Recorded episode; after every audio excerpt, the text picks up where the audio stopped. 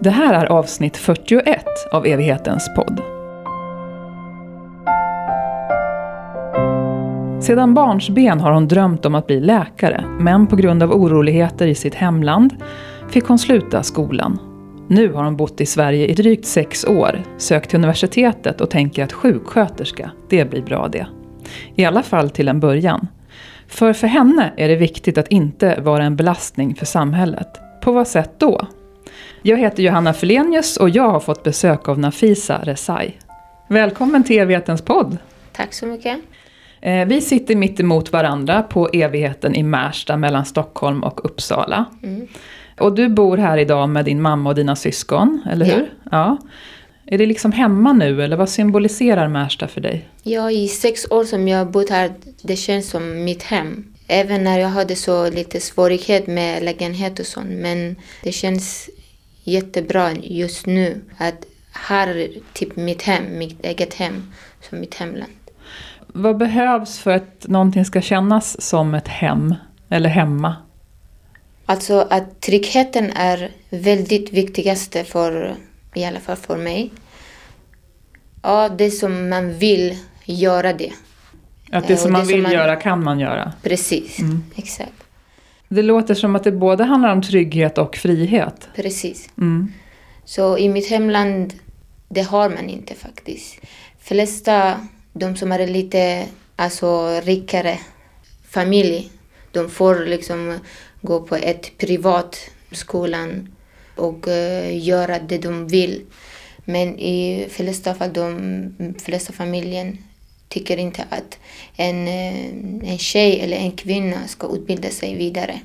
Och eh, de tar den här trygghet, eller kan man säga rättighet av ett eh, kvinna. Men ehm, om du skulle ha varit kvar i Afghanistan, Mm. hur hade det blivit för dig då? Hade du kunnat utbilda dig? Det, det tror jag inte, för att jag bodde i en eh, eh by, alltså ett liten stad. Och eh, min pappa dog eh, i kriget. Och därför vi, vi hade inte sånt eh, eh frihet att vi kunde inte försörja oss själva. Och därför vi flydde till annat land. Mm. Vi flydde att vi skulle komma till Europa. Mm. Men eh, mitt i vägen, mm, vi blev separat med min storebror. Så därför han kom med en annat, för att eh, i den här eh, bussen så vi måste eh, bli separat. De måste gå, han måste gå till en annat och vi kvinnor måste till annat. Ni förlorade varandra? Ja. Ja. Och det var en familj, så han var afghan också. Och eh, vi hade ingen hjälp, men vi följde med dem. De frågade oss, var ska vi? Och eh, vi sa att eh, det här händelse och vi eh, tappade min bror och vi, vi vet inte. Så, Mm. Och de åkte till Iran. Där vi, vi fick av eh, dem hjälp också att vi bodde med der, deras lägenhet några år. Under de här tiderna min brorsan eh, alltså kom till europeiskt land. Vi visste inte att han är i Sverige. Så sen vi fick kontakt med min storebror. Mm. Han var 14 år när han eh, kom till Sverige Ensam? ensamkommande. Men eh, det var skönt att han fick liksom, efter sex eller åtta månader sin uppehållstillstånd. Så efter det sen vi kunde komma till eh, Sverige efter tre år. Om, om vi backar i tiden till ditt barndoms Afghanistan. Vad var det för ett land som du växte upp i? Jag växte upp i Afghanistan i en liten stad som heter Velayat Parvan. Och eh, vi odlade grönsaker, vi hjälpte mamma och pappa med allt, allt de behövde. Min pappa var eh, soldat kan man säga. Mm. Ja. Vad odlade ni för något? Eh, liksom grönsaker, eh, vitlök, lök, tomater, eh, eh, gurka och sånt. Och lite annat. Som, och vi brukade baka bröd själv. Så vi brukade liksom vakna tidigt med mamma och eh, göra deg och eh, eh, hjälpte allt med mamma och pappa. Mm. Och vi hade sån här grund, inte grundskolan, eh, däremot Koranskolan. Så vi, vi läste där. Mm, och där fick du gå. Ja. Vad lärde du dig där då? Alltså alfabetet, läsa Koran. Koranen är på arabiska, Mm. men vi har eh, eh, översättning på dari. Mm. Så vi kan lära oss eh, eh, alltså, lite. Är där i ditt språk? Ja, Ja. jag pratar dari. Mm. Men jag bodde i Iran så jag kan persiska också. Ja, det är Lite otroligt. engelska, svenska. Men det låter ju som att det var en ganska stilla uppväxt.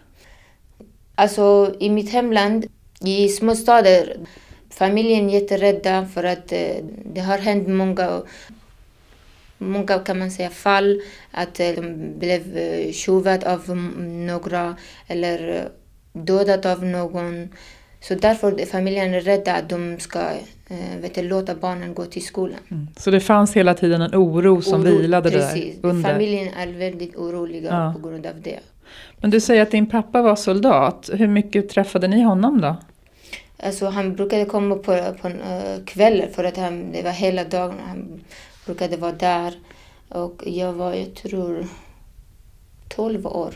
Eller 13 år var det. Alltså min pappa dog. Och vad vet du vad, om vad som hände? Raketet som, alltså, man kunde inte kä- känna igen honom när han Mm. dog. Min, min storebror och min mamma, de uh, kände honom att det är han. Okej, så Men- han dog av raketer? Ja. När det här hände, när din pappa dog så här plötsligt och Mm. fruktansvärt, så hade du fyra bröder och Fyra två bröder, systrar. Precis. Och den yng- det yngsta, yngsta syskonet var bara några månader. Ja. Och där fanns din mamma med alla er barn. Alltså hur, hur blev det? Det, det, alltså, det var jättesvårt. Därför mamma tänkte att nej, det, det går inte. Ni kunde inte försörja er? Nej.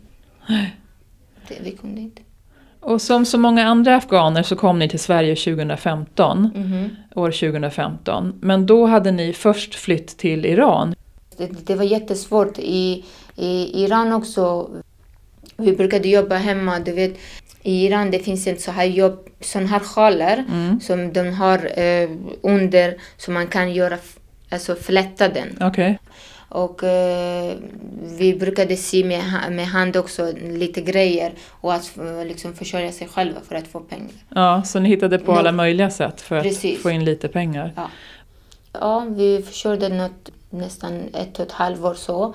Och sen eh, min bror var här och vi hade, vi hade ingen aning var han bor och mamma var väldigt orolig. Och, och vi visste inte att var han bor. Han är död, han, är, han lever, vart, vart han är. För ni hade kommit ifrån varandra när ni Ja. skulle lämna Afghanistan. Under hur lång tid hade ni ingen kontakt då?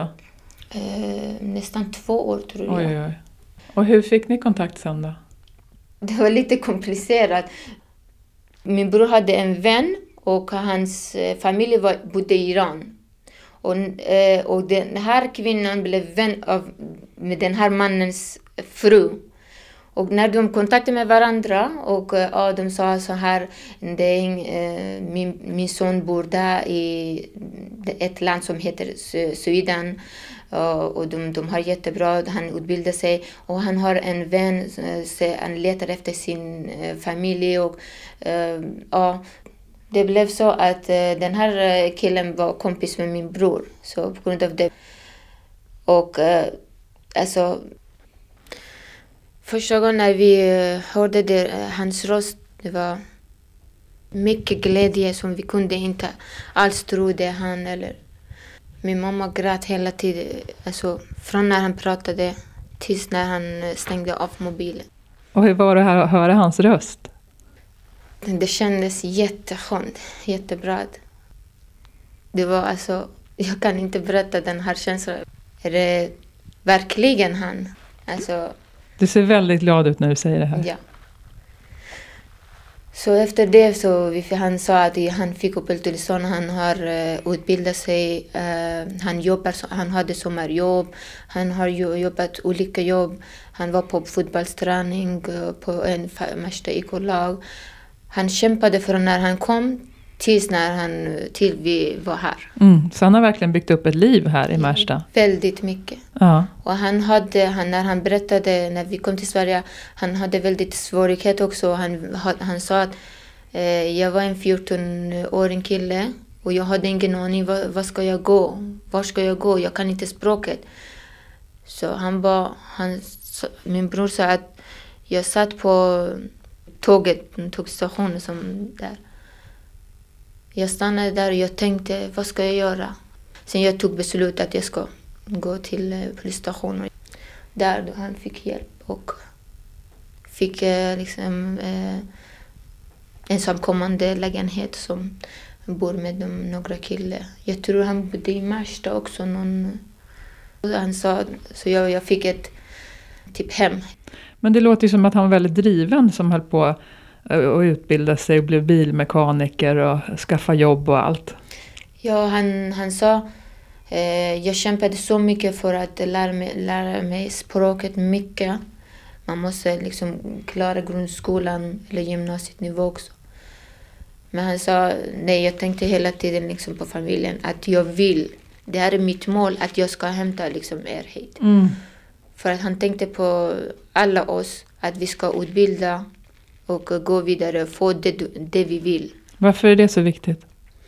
Han sa, jag vill att ni ska utbilda er. Jag vill att ni, det som ni vill, ni kan. Uh, utbildningar är viktigt uh, i alltså verkligheten. Uh, och man har inte, till exempel i mitt hemland, de som har utbildar, utbildar inte sig de slår kvinnor. De eh, låter inte kvinnor att ha sin rättighet. De låter inte när till exempel eh, sitt barn gör det de vill. Och de får inte ha ett eget eh, rum. De, alltså, det är mycket med, med det. Jag tror det här är gammal tanke så de har. De, de har fått från sina föräldrar som har liksom bakgrunden. Ja. Förstår du vad jag menar? Ja, och också det där att du, du beskriver det som ett samhälle där som är jättebra för de rika. Men ja, om man inte är rik då har man inte så mycket rättigheter. Nej, och särskilt inte som kvinna eller flicka. Exakt. Mm. Eh, I mitt hemland faktiskt, kvinnor har inte stor roll. Alltså de låter inte att de ska komma in i samhället. Nej. Nu för tiden kanske du såg i augusti, 15 augusti, det här händelsen har kommit till mitt hemland, talibanen som kom. Talibanerna har tagit över, ja. Precis. Så det blev ännu, ännu värre. ännu värre. Flickor kan studera, men till årskurs 6. Men varför då? Varför de kan inte fortsätta vidare? Vad är felet liksom? Men talibanerna har ju sagt att jo, jo, kvinnor ska få fortsätta ha rättigheter och få jobba och gå i skolan och sådär. Tror du inte på det? Jag tror inte. Nej. De säger det. Mm. Det är bara snack. Ja, det är ett snack tycker jag. Ja. Varför är det så viktigt för talibanerna att kvinnorna inte är med i samhälet? Inte påverkar? Bra fråga. för att jag tror, det är mitt åsikt, de tror att när eh, kvinnor utbildar sig, de vet att de tar av makten över dem. Det är därför de vill inte att de ska liksom gå vidare. Ändå kanske i Sverige också, de har, mellan män och kvinnor har skillnad med lånen eller någonting annat också. Mm. Men eh, där det är mycket. Mm. Så skillnaden är mindre här i alla fall, ja. i Sverige. Men du, när ni till slut kom hit då, ja. eh, påhejade av din bror, vad, vad visste du om Sverige då? Jag visste ingenting, men eh, det min bror hjälpte oss. Han, han visade oss första gången när vi kom till Sverige. Han kom med sina kompisar eh, med en bil och, och det var jättebra känsla första gången när vi kramade honom. Vad var det för tid på året? 2015, 24 mars. Vi kom, jag tror, klockan 11, 11.30 något på kvällen på natten. Kan man. Det här kommer du ihåg väldigt tydligt. Ja, för att det var jättebra känsla. Alltså att se en, eh, sin bror krama honom. Det... Hade han förändrats mycket? Då hade det ju gått, vadå, två år ja, eller något? han hade skägg. han hade mustasch. Han hade jättemycket hår. Hade han, Han blivit blev vuxen? smalare. Han blev smalare. Mm. Såg han ut att må okej? Ja. Ja. Men såklart, när han såg oss, han grät. ja. Han ville inte visa sina tårar, att, att mamma blir ledsen. Så han kramade så hårt eh, mamma och alla syskon tillsammans. Och hans kompisar grät också. Så det var det. Får man inte gråta? Såklart. Man kan, det, man, man kan säga att eh, gråta är för eh, att man har bra känslor och en gråta att man, man, är, så, man är sorglig eller man är ledsen. Ja, det är både och. Både och. Så, Men ehm, när ni kom till Sverige där då i mars 2015, mm. vad visste ni om er framtid då? Min bror sa till oss, här är inte som Afghanistan. Ni, ni kan utbilda sig den här eh, yrket som ni vill. Och eh, min alltså, barndomsdröm var för läkare. Men eh, såklart det var svårt, men det var jag, jag älskade att bli liksom läkare. Speciellt för alltså, operationer. Sånt. Kirurg? Exakt. Du vet inte varför? Alltså jag vet inte varför jag tyckte om, men jag tyckte, alltså det här känslan, jag ville liksom se kroppens människa, hur det ser ut, varför, hur fungerar den? Så. Och hur, hur länge har du haft den drömmen? Från när jag var, jag tror, åtta, sju år tror jag. Aha. Så den jag tyckte om. Men berättade du för någon om den drömmen? Ja, min mamma, vi, Okej, ja. vad sa hon då? Ja, hon sa det är bra känsla. Hoppas i framtiden det blir. Vi vet inte var vi, var vi ska liksom bo. Men eh, när vi bodde i Iran, vi gick koranklass. Hon sa det är därför ni ska gå och lära er liksom alfabet och sånt. Så om det eh, händer eh, så ni kan förstå lite grann eh, vad andra säger. Om man, har, om man förstår inte eh, så mycket språket så det är svårt att liksom kommunicera också. Det här med att bli läkare, hur mycket handlar det om att vilja hjälpa? Hjälpa andra? Jag älskar att hjälpa människor på olika sätt. Med allt. Även det ska vara en liten grej. Det är jätteviktigt för mig. När jag hjälper, det känns jättebra i hjärtat. Jag känner mig mycket bra. Mm. Men nu, skulle, nu tänker du att du kanske ska bli sjuksköterska istället. Hur, Ja. hur kommer det sig? Ja, jag, när, jag, när vi började på språket, jag gick inte grundskolan här, här eftersom när jag kom till Sverige, jag var, jag fyllde exakt 17. Och jag fick inte gå till grundskolan för att eh, på grundskolan man ska börja tror 15 eller 14 något. Det är därför jag fick inte. Däremot jag fick på Arlanda gymnasiet som ligger i Märsta. Eh, vi hade mm, ett, eh, program, ett program som heter IM för eh, invandrare som andra språk. Alltså, eh, vi läste svenska som andra språk och bara mm, alltså, de nya länderna kommer och studerade där. Mm. Och vi läste engelska, svenska, matte. Jag började där och eh, 2017 jag började med bas, bas alltså läsa grundskoleämnena. Och jag samlade, eh, jag sa till min eh, studievägledare att jag vill samla betyg för att komma in till eh, liksom, gymnasiet. Och hon sa att tyvärr, du, du, får, alltså, du kan inte läsa de andra ämnena. Men du, du kan läsa liksom, basämnena som är svenska, engelska, matte. Och eh, för att eh, du ska komma in på det, vuxen, komvux. Mm. Eh, men jag sa till, jag bad från rektor att jag vet att jag, jag kommer inte in på gymnasiet för att min studievägledare berättade. Men däremot jag vill läsa själv för mig själv, att jag lär mig mycket mer svenska och eh, utveckla min svenska mycket mer. På så sätt jag, kan, jag vill läsa de andra ämnena också. Och de tackade ja. Du kan läsa absolut. Och jag, mm, jag utvecklade mig mycket mer. Och eh, min studievägledare var jätteglad att jag var så ambitiös. Och eh, ville gärna liksom lära sig verkligen språket och vi vill gå vidare. Och ehm, till studievägledare jag berättade att jag, jag ville bli sjuksköterska, eh, läkare. Men hon sa att det är jättesvårt att komma in på läkarlinje och det behövs mycket höga poäng. Men du kan börja med att bli sjuksköterska och sen du kan specialisera dig på något om, där du vill. Mm. Uh, och sen där jag bestämde mig, ja, jag vill läsa. Och sen eh, 2018, eh, somras, i augusti, som, det var sommaren, augusti, eh, jag började med undersköterska på komvux. Mhm. Så ja, jag, studerade, jag började på komvux som det var två termin i Arlanda gymnasiet. Sen de lägger ner för komvuxnivå. De sa att vi måste åka till en annan skola. Okej. Eh, för att Sigtuna kommun, jag tror bestämde att de, de ska lägga ner alla komvuxskolor eh, i Märsta eh, plats. Så jag fick i Kista.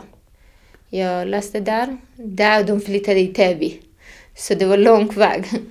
Och sen jag, blev, jag fick min examen, undersköterskeexamen där. Och- Med hjälp av mycket pensionärer som vi hade en läxhjälpgrupp. De hjälpte oss verkligen mycket. Jag är jättetacksam av alla allihopa som hjälpte oss och stödde oss mycket. Men Eh, du, du berättar ju här om att eh, ja, komvux, en utbildning som läggs ner och sen så är det Kista och sen, ja det är alla, du, du får flytta runt liksom för att Precis. kunna, vad är det som gör att du är så målinriktad och inte bara ger upp det här, den här drömmen? För att jag tänkte på mitt mål. Okej, så, så att, nu har du sökt in till universitetet. Ja, när jag fick min gymna- eh, undersköterskeexamen så jag måste samla betyg till att eh, komma in till universitet. Så jag läste gymnasieämnena. Men eh, under, eh, när jag läste språket på Arlanda gymnasiet på IM, eftersom jag utvecklade snabbt, när vi hade sportlov eller påsklov, jag brukade inte vara hemma i skolan hela tiden. Och det var en lärare, de, han sa till mig, eh, när jag kommer här, du är här. När jag går, du är här. Ska du sova kanske vi ska hämta en säng här, du ska sova. Men va, nu tänker du att du pluggar till sjuksköterska. Eh, tror du att du kommer vara nöjd med det eller kommer du vilja vidareutbilda dig sen? Eh, jag vill fortsätta där sjuksköterska men specialisera mig. Kanske bli kirurg. Så jag, jag ska gå vidare. Mm. Du är fortfarande nyfiken på det där med kroppen, hur den ser ut inuti? Precis. Jag har lärt mig under eh, min undersköterskeutbildning, jag har lärt mig mycket mer. Alltså jag, jag förstod ingenting om kroppen. Men när jag kom in, jag bara Tack Gud att nu jag vet hur fungerar liksom kroppen. Man ska vara tacksam att man har en eh, god hälsa. Alltså tänka på de andra som är sjuka. Ja, Och allting som fungerar utan att vi Precis. gör någonting? exakt. Mm. Så motion är vikt, viktigt för mig. Mm. Så brukar promenera och springa med mamma. och eh, ja. Finns det någonting med Afghanistan som du saknar? Jag älskar att gå en gång till men det är mitt önskemål att det ska vara frihet. Jag tänker så här att jag har aldrig varit i Afghanistan och allting som man hör på nyheterna och ser och sådär, det är så negativt och mörkt. Men det kanske Alltså är ett jätte, jättevackert land till exempel. Vad, vad, är det vi behöver förstå eller veta om Afghanistan som vi inte får höra på nyheterna? Människor är väldigt snälla och eh, Generösa? generösa. Alltså de tycker om dig, de liksom allt du behöver serverar. Mm. De visar dig liksom vägen. De kallar dig när du går i samhället, de kallar dig bror eller syster. Inte på ditt namn. Jag tycker att människor är väldigt snälla i mitt hemland. Du sa förut det här att det är så viktigt för dig att få hjälpa. Det låter ju som att det kanske är en del av din kultur, den här gästvänligheten, på något, öppenheten, eller? Det kan, det kan också bero, men det känns jag själv. Jag vet inte alla är. Här också i Sverige, när li- liksom jag ser någonting som de behöver, jag hjälper. Mm. Även liksom på jobbet, vi har, jag jobbar som undersköterska på en sjukhus i Upplands Väsby, på geriatrikavdelningen Med äldre? med äldre. Ja. Precis. Mina kollegor, jag hör av dem att du är för snäll, du ska inte liksom vara så mycket. Du ska tänka på dig själv. Går du hem någon gång därifrån eller? Från jobbet? Jag tänker på det här när du studerade och var kvar i skolan hela tiden. Ja, Ja, Du är inte där hela tiden. ja, ja. För dig är det viktigt att inte vara en belastning för samhället. Hur, hur tänker du då? När jag utbildar mig och så jag gör i samhället det som jag har lärt mig i mig. Alltså som undersköterska, när det händer någonting. Så jag vill gärna liksom hjälpa. När jag har den här kunskapen, varför ska jag inte göra det? När du kan, gör det. Ja, så du vill använda din kompetens och du vill vara till den hjälp som du kan? Precis. Och, och du hade något exempel på det, när du mötte en kvinna? Ja, ja, det var en eh, morgon. Jag skulle gå till trafikskola. Jag, ska, jag håller på att ta körkort. I Sollentuna centrum jag såg en kvinna som hade rollator och handlade mycket mm, och la på, på vad heter, I korgen stol. där? Ja, Ja. korgen och påsarna Ja. och tidningar och sånt. Och känner sig alltså virrig och snurrar huvudet och säger att uh, kommer ramla. Och sen plötsligt jag och en annan kvinna, eh, jag vet inte varifrån kommer hon var, men i alla fall hon och en till tjej också. Och sen vi hjälpte henne att jag la min äh, ben under hennes äh, stjärten. Hon var lite envis. Hon sa själv, jag vill inte sitta på golvet för att jag blir smutsig. Och jag tog av min jacka. Jag la, du kan äh, liksom sitta på det.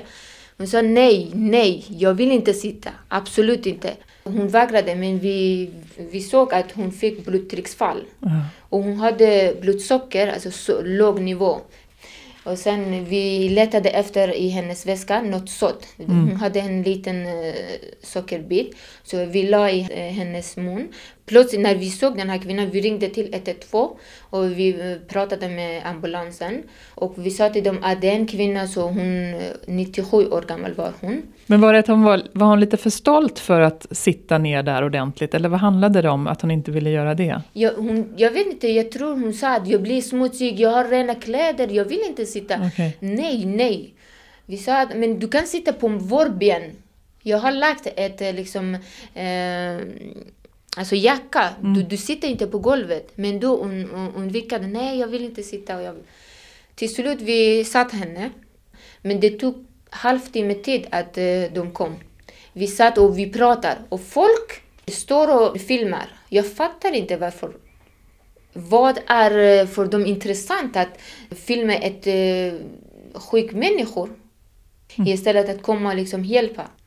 Men vad tror du att det är som gör att det är naturligt för dig att erbjuda henne att sätta sig ner och stanna kvar där och ringa efter ambulans och eh, försöka uppfostra människor som filmar med mobiltelefonen och det tycker du är gränslöst. Vad är det som gör med dig att du stannar upp i en sån situation? Alltså, som sagt, eh, den här icke som jag, eh, jag har i mig, det gör mig mycket starkare att hjälpa mer människor.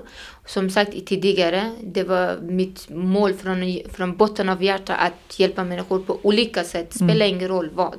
Alltså i livet, min familj är jätte, jätteviktigt för mig. Att samarbeta, går allting går bra. Alltså jag hjälper dem, de hjälper mig. Även jag är stor, men jag får av yngre. För de, k- kanske de har avancerade svenska. Jag säger att jag lär mig mycket mer svenska. Varje dag jag lär mig nytt ord. Så det är, kunskapen försvinner inte. Kunskapen kommer, kommer bli, gå vidare och vidare. Man blir eh, Klokare kanske? klokare kan man säga. Ja. Ja. Men det låter som att dina syskon både inspirerar dig och samtidigt så hjälper ni varandra. ja. Ja. Både Stödjer mamma, ja. Eh, mamma går också eh, SFI. Eh, hon jobbar med, med barnen i förskolan i Sigtuna. Så hon lär sig mycket bra svenska med barnen. Min mamma träffade en man i Sverige för fem år sedan. Han bor med oss, de gift sig. Mhm. Vi accepterade honom som pappa. Han är jättesnäll, väldigt eh, modig man, väldigt bra. Men han har inte uppehållstillstånd. Han har sökt. Eh, så jag hoppas verkligen att han ska få den här året. Vad känner du för din mamma som har offrat så mycket för er? Jag älskar min mamma. Jag, alltså, jag dör för henne. Och jag vill att allt liksom glädje var för henne. Mm. Hon gjorde allt till oss. När i förhållande till att ni kom till Sverige blev det liksom lugnt så att du, ni visste att ni får vara kvar här? När vi visste, Ja. eh, när min, min bror sa att vi fick uppehållstillstånd, så vi blev jättenöjda att nu vi går till, till annat land Mm. eh, och eh, vi får frihet. Mm. Jag var jätteglad att jag kom till Sverige och eh, jag lärde mig mycket liksom, sp- språket, både engelska och svenska. Det var, det var nytt för mig och intressant. eh, Och viktigaste med utbildningen. Mm. Jag hade en lärare, hon sa att till mig att du är törstig av eh, språket eller, eller utbildning. Du vill gärna så gå in i boken. Kunskapstörstig. Kunskap. Var det en bra beskrivning på dig? Ja, Ja. det var det. Jag var jättenyfiken. Jag tror den här nyf- nyfikenheten gjorde mig att jag vill gå vidare och gjorde mig starkare att jag, jag vill gå fram till mitt mål. Det låter som att du alltid vill gå vidare. Ja. Det är alltid nya grejer. Ja. Men du, vi har ju pratat en del om det här med drömmar. Mm. Ehm, och du har beskrivit att du redan sedan du var 7-8 år har drömt om att bli läkare. Vad tänker du, vad händer med drömmarna i en krigssituation? Alltså när det blev oroligt där och ni var tvungna att lämna ditt hemland Afghanistan. Mm. Vad händer med drömmarna i en, i en sån orolig situation? Sen, som du sa, det, förs- det försvinner. Man kan inte ens tänka på sina drömmar. Absolut inte. Ja, I den här situationen kan, jag tänka så. Nej, nej. Alltså, Då handlar det bara om att överleva. ja, precis. Jag har inte behövt lämna mitt hemland. Jag har haft det liksom tryggt och alltid kunnat uttrycka vad jag vill och resa vad jag vill och sådär. Vad tänker du är liksom viktigt att förstå eller tänka på eller så för mig som har levt så tryggt och du har inte gjort det? Jag tycker att du kan liksom tänka på människor som eh, flyter, flyter från andra länder och du kan liksom dela dina känslor med, med dem och eh, förstå dem att eh, ja, det finns sådana vad heter det, svåra situationer som de har men du har inte upplevt den. Så lyssna är en sak, att lyssna, Lyssna, på människors ja. berättelser. Lyssna, förstå, visa respekt liksom. För att jag hörde i, under de här sex åren jag, jag bodde, jag har sett någ, några som var rasistiska. De tycker att varför ni kom hit när eh, ni får vår plats, vårt jobb. Jag hörde mycket sådana. Så, Du har mött rasism. mm. Mm. Jag har jobbat på förskola.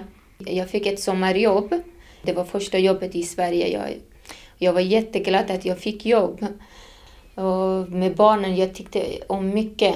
Att liksom känna dem och prata med dem svenska. Jag var nyfiken lite. Och sen det var en, en tjej och en, hennes bror. När de såg mig, jag hade sjal. De ville inte komma hos mig. De vill inte komma nära dig. Nej, för att de sa, de hörde att eh, de som har så här sjaler, de är terrorister och sånt. Men fick du närmare dig de barnen sen eller fortsatte Ja. det vara så? Ja, de sa att jag visade min bild. Ja, de trodde att när jag har sjal, jag, jag har inget hår.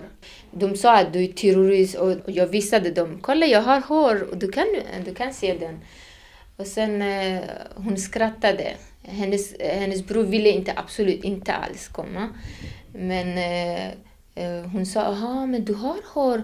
Så många jag hörde, de sa fel till mig. Du har jättefint. Det var tredje veckan jag skulle sluta där, därifrån.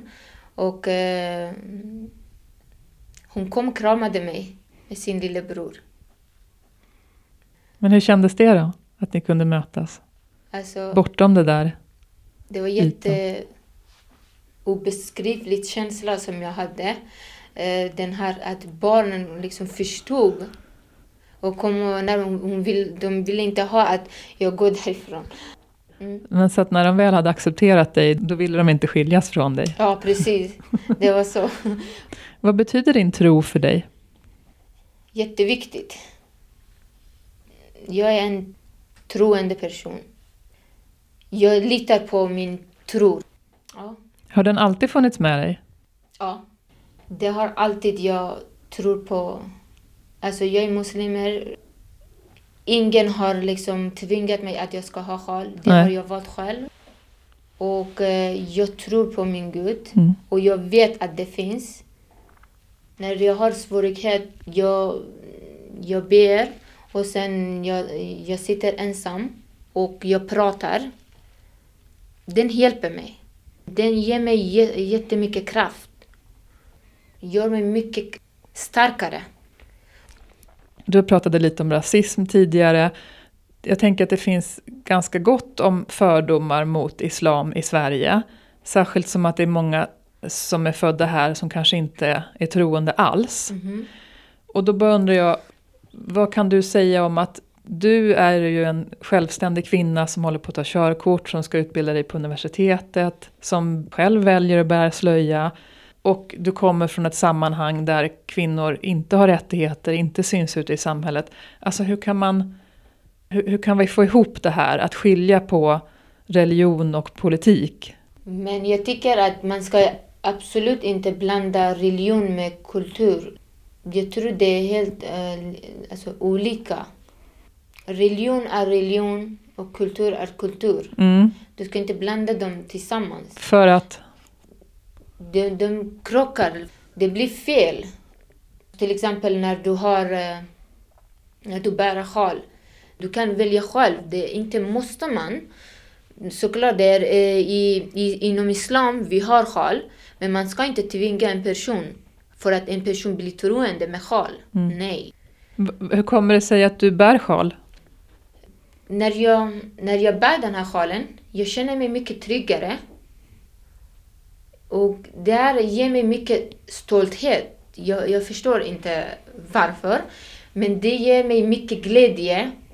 Och när jag bär den. Och om jag har inte, jag tror att jag är naken. Så den ger mig mycket, alltså den är viktig för mig. Finns det någonting som du skulle önska att vi förstår runt islam?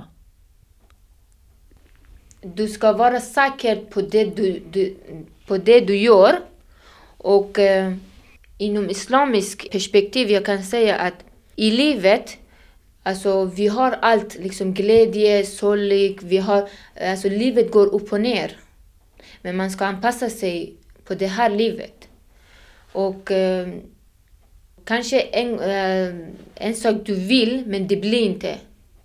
Men du kan kämpa på den. Och eh, till slut du kommer nå det. Ge aldrig upp och eh, gå vidare.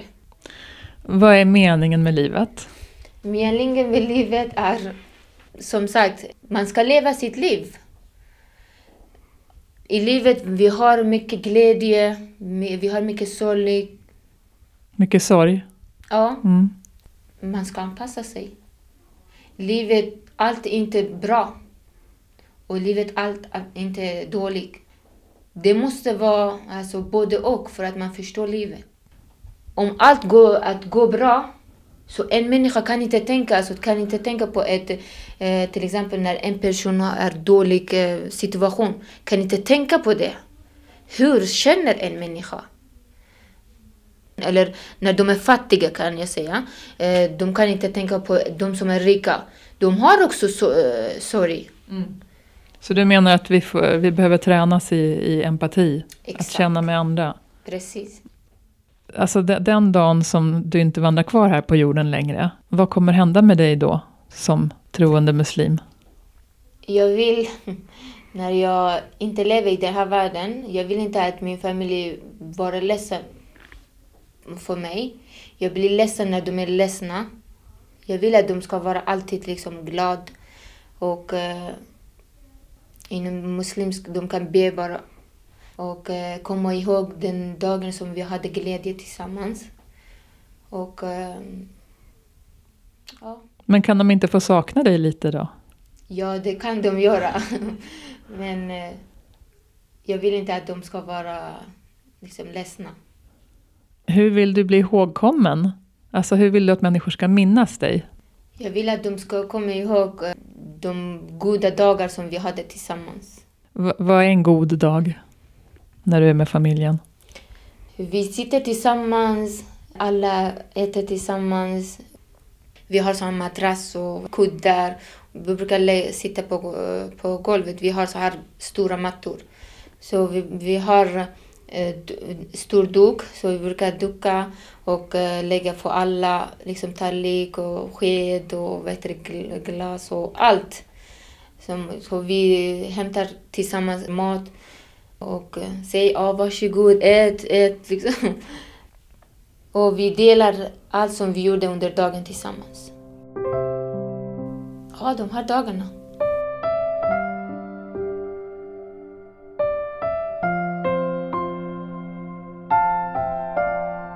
Det säger Nafisa Resai här i evighetens podd.